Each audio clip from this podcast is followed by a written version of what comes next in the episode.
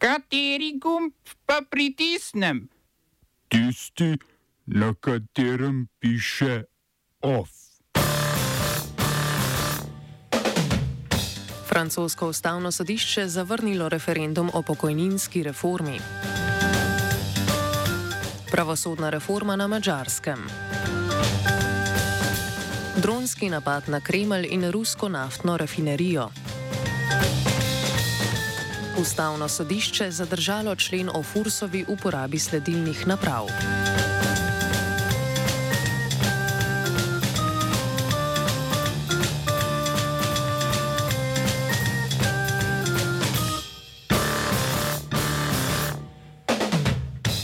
Francosko ustavno sodišče je zavrnilo pobudo za referendum o pokojninski reformi, ki ga je vložilo okoli 250 opozicijskih poslancev. Pobuda po mnenju sodišča ne zadostuje ustavnim pogojem. Če bi sodišče pobudo sprejelo, bi opozicija imela devet mesecev časa, da zbere podpise desetih odstotkov volilnih upravičencev oziroma okrog pet milijonov podpisov. Medtem je državna nadzornica in karceracije Dominik Simono objavila poročilo, v katerem obtožuje francosko policijo resnih kršitev človekovih pravic. Po poročilu naslovljenem na notranjega ministra Žeralda Darmanana so policisti po navodilih načelnikov in javnih toživcev izvajali arbitrarne aretacije protestnikov brez pravne podlage. Aretacije, ki po mnenju policije služijo preprečevanju izgredov, je Simono označila za sistematično metodo represije. Po poročilu nadzornice je le petino prijetih policija tudi ovadila.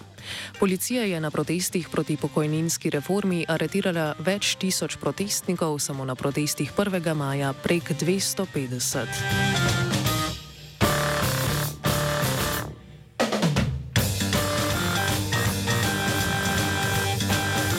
Mačarski parlament je potrdil novelo zakona na področju pravosodja, ki po besedah pravosodne ministrice Judith Varga zadostuje zahtevam Evropske komisije.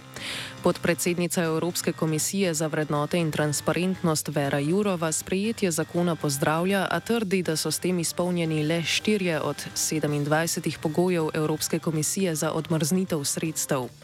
Prav tako je pojasnila, da mora izpopolnjevanje izpolnjevanje pogojev komisija še oceniti, strinjati pa se morajo tudi države članice, kar lahko traje več mesecev. Če bodo v Bruslju z novelo zadovoljni, bodo lahko odmrznili denar, ki ga mačarski niso namenili zaradi kršanja načel vladavine prava na področju boja proti korupciji, javnega naročanja in učinkovitosti tožilstva. Gre za sprostitev več kot 13 milijard evrov sredstev iz kohezijskega sklada Evropske unije. Poleg tega novela zakona sodnemu svetu ponovno prepušča več pristojnosti. Te je s prejšnjimi vladnimi reformami izgubil prid državnemu sodnemu uradu, podrejenemu vladi. Mačarski sodniki bodo ob morebitnih dvomih o zakonitosti sodb v zadevah Evropske unije pomoč lahko spet iskali na sodišču Evropske unije. Evropska unija blokira več kot 30 milijard evrov sredstev namenjenih Mačarski, od tega okoli 12 milijard iz sklada za okrevanje po pandemiji COVID-19.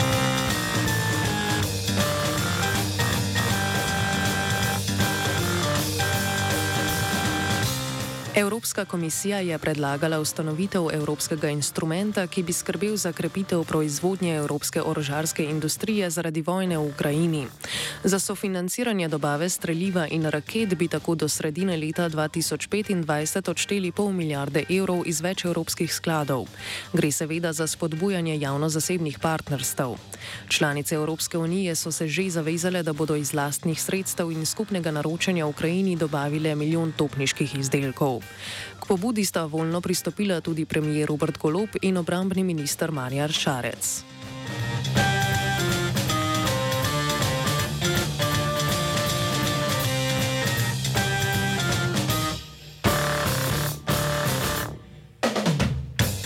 V naftni rafineriji v naselju Ilski v ruski regiji Krasnodar je izbruhnil požar zaradi napada z droni. Požar so že pogasili, poškodovanih ni bilo.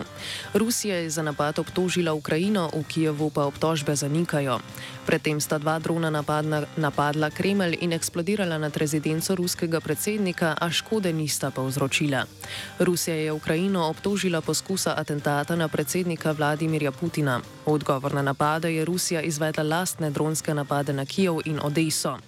V regiji Brjansk je predtem drugič ta teden eksplodirala bomba na železniški progi. Po poročanju ruskih medijev naj bi šlo za doma izdelane eksplozive. Obe sabotaži sta povzročili iztirjenje tovornega vlaka. Sabotaže železniških prog se v Rusiji in Belorusiji vrstijo od začetka vojne v Ukrajini.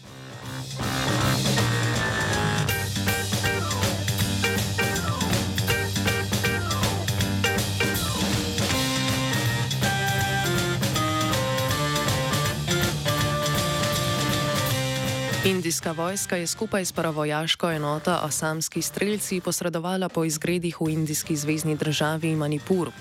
V osmih okrožjih so oblasti razglasile policijsko uro, internetne in telefonske povezave pa so prekinile po celotni zvezdni državi.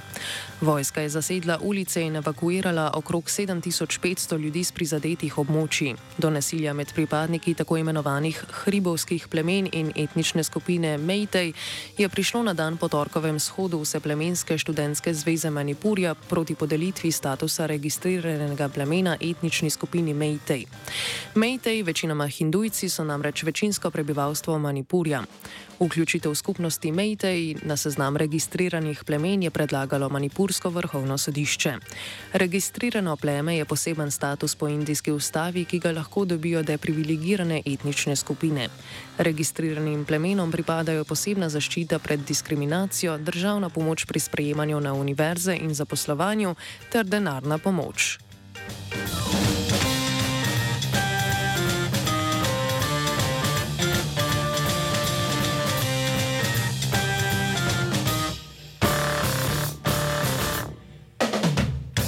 Okoljevarstvena organizacija Client Earth je največjega prodajalca žita na svetu, Cargill, obtožila kršenja človekovih pravic in krčanja gozdov na poljih soje svojih dobaviteljev v Braziliji. Gre za prvo to vrstno tožbo v zgodovini Združenih držav Amerike. Ameriško podjetje je obtoženo nezadostnega nadzorovanja in prepočasnega odziva na krčanje amazonskega pragozda ter drugih svetovno pomembnih biomov, kot sta savana Serado, ki je izgubila že tretjino dreves, in atlantski gost. Prav tako podjetje obtožujejo kršenja pravic tamkajšnjih staroseljskih skupnosti, odvisnih od gozdov. Podjetje se je sicer zavezalo koncu deforestacije na svojih poljih do leta 2025, do leta 2030 pa na poljih vseh svojih dobaviteljev, a Client Earth ugotavlja, da ima njihov sistem mnoge pomankljivosti, med drugim pomankljiv nadzor nad izvajanjem obljub. Leta 2022 so Kargilovi proizvajalci soje za potrebe podjetja po krmi za piščance posekali 12 tisoč km2 amazonskega pragozda za več kot pol Slovenije.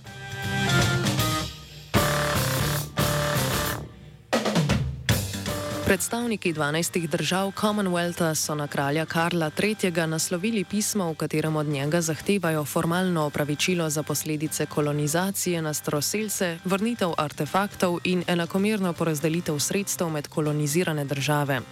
Po mnenju podpisnic pisma bi bil to prvi korak k izboljšanju odnosov in vzpostavitvi pravičnosti. Smo se osamosvojili, nismo se pa osvobodili. Naslednje štiri leta še 500 projektov. Izpiljene modele, kako so se strani nekdanje LDS rotirali. Ko to dvoje zmešamo v pravilno zmes, dobimo zgodbo o uspehu. Takemu političnemu razvoju se reče udar. Jaz to vem, da je nezakonito, ampak kaj nam pa ostane? Brutalni obračun s politično korupcijo.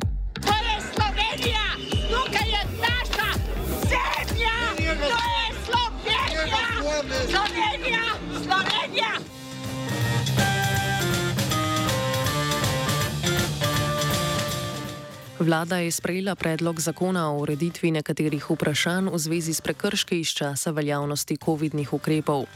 Predlog temelji na analizi pravnih podlag za prekrškovne postopke iz časa veljavnosti COVID-nih ukrepov in izhodiščnih za rešitve, ki jih je vlada izvedla konec novembra lani. Predlagani zakon ureja vrnitev zneska glob in ustavitev postopkov prisilne izterjave ali nadomestnega zapora. predvideva tudi izbris podatkov iz prekrškovnih evidenc. Kako bo v praksi izgledala vrnitev glob, je na tiskovni konferenci pojasnila ministrica za pravosodje Dominika Švarc-Pipan. Sodelovanje upravičencev je tako predvideno zgolj tam, kjer je to nujno potrebno, da nimo za sporočanje pravilnega plačilnega računa ter glede priglasitve bančnih stroškov prisilne izterjave globe in stroškov postopka. Pristojni prekrškovni organi bodo pripravili in upravičencu poslali informativni izračun o izplačilu globe in stroškov, zoper katerega bo imel upravičenec možnost ugovora. Zoper odločbo o izplačilu pa bo upravičencem zagotovljena tudi možnost upravne pritožbe v roku 15 dni na pristojno ministrstvo. Ustavno sodišče je zadržalo izvajanje člena zakona o finančni upravi o uporabi sledilnih naprav pri odkrivanju tihotapljanja trošarinskega blaga. Pobudo za presojo ustavnosti je vložil varuh človekovih pravic Petr Svetina, ker meni, da gre za poseg v pravico do zasebnosti. Sodišče je izvajanje člena zadržalo, ker bi lahko izvajanje člena povzročilo težko popravljive škodljive posledice na zasebnost. Spremembe zakona o finančni upravi je državni zbor povedal državnemu državnega sveta dokončno sprejel konec januarja z glasovi poslancev Gibanja Svoboda in Levice, socialni demokrati pa so po oblastilu nasprotovali. Več o pooblastilu in njegovem dosedanjem izvajanju pove Stojan Glavač, predstavnik za odnose z javnostmi iz finančne uprave. Ja, torej, Ustavno sodišče je pred dnevi uh, zadržalo izvrševanje 18. člena zakona o finančni upravi. Ta člen govori o uporabi tehničnih pripomočkov za pridobivanje podatkov o položaju in gibanja blaga. In v finančni upravi bomo odločitev ustavnega sodišča vsekakor spoštovali in tudi upoštevali. Lahko pa rečem, da tega ukrepa doslej še nismo uporabili. Torej, ukrepa izvajanja te določbe torej v finančni upravi do zdaj nismo uporabili. Drago Šketa je pred predsednico države Natašo Pirc Musar zaprisegal kot generalni državni tožilec. Šketa za nadaljnih šest let prevzema funkcijo, ki jo opravlja od leta 2017. Edinega kandidata so s 54 glasovi za in 25 proti v sredini aprila imenovali poslanci, predtem ga je podprla tudi vlada. Njegovemu imenovanju so nasprotovali poslanci Slovenske demokratske stranke. V sledečem mandatu Škete kot najpomembnejšo problematiko izpostavlja pomankanje kadra v državnem tožilstvu, ki je toliko pomembnejši zaradi porasta kaznjivih dejanj.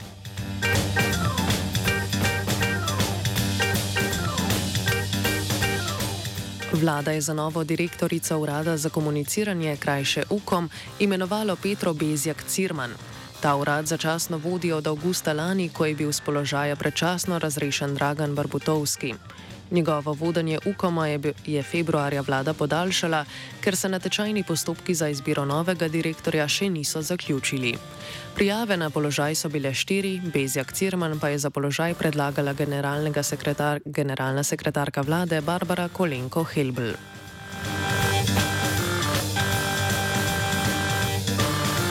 Ovsta pripravila vajenec Matej in Pija Zala. Radio študent 89,3 MHz.